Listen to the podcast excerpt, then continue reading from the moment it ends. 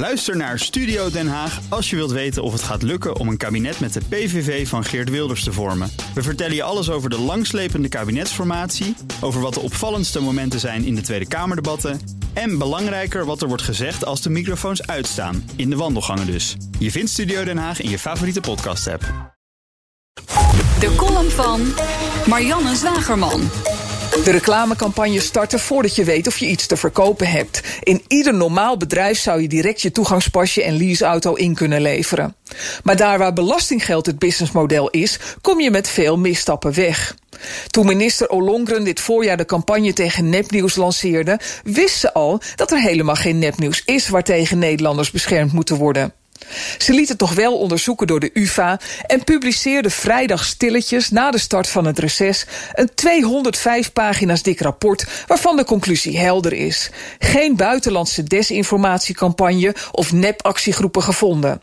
Er is in Nederland geen sprake van de opkomst van namaaknieuwsorganisaties en nepnieuws en desinformatie is nauwelijks te vinden. Je zou denken een stevig functioneringsgesprek met de minister die daarna haar excuses aanbiedt voor het ten onrechte veroorzaken van maatschappelijke onrust en het verkwanselen van belastinggeld. Maar nee, de karavaan trekt voort. Het was blijkbaar nog niet genoeg vorige week. Het leger inzetten om hardwerkende ondernemende Nederlanders weg te houden van het Binnenhof op de dag dat de oppositieleider voor de rechter stond voor het uitdragen van zijn politieke overtuiging. Nee, ook de media die hardwerkende ondernemende Nederlanders consumeren, moeten verder gedemoniseerd worden. De sociale media, waarop hardwerkende ondernemende Nederlanders met elkaar in contact komen om af te spreken wanneer ze de trekker starten om naar Den Haag te rijden, moeten kapot.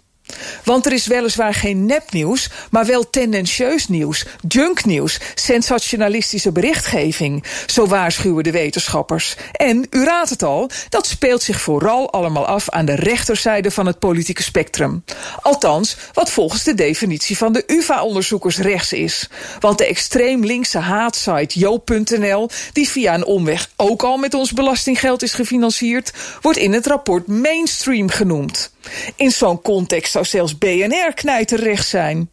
Een strijd van de regering tegen nepnieuws was al zeer discutabel. Maar als het Ollengren-front nu oprukt richting tendentieus nieuws... belanden we helemaal aan de andere kant van het ravijn. Tendentieus junknieuws is een waardeoordeel, geen maatschappelijk gevaar dat bestreden moet worden. We zijn nu wel gewaarschuwd hoe Ollengren ons, ons nieuws, onze levenswijze, onze interesses, ons werk, onze sociale media ziet. Als junk. En dat zei Marianne Zwagerman in haar column. En die column kunt u terugluisteren op bnr.nl in de BNR-app. Daar vindt u alle columns van alle andere columnisten ook. En dan kunt u ook eh, op zoek naar prachtig mooie podcasts die we hebben.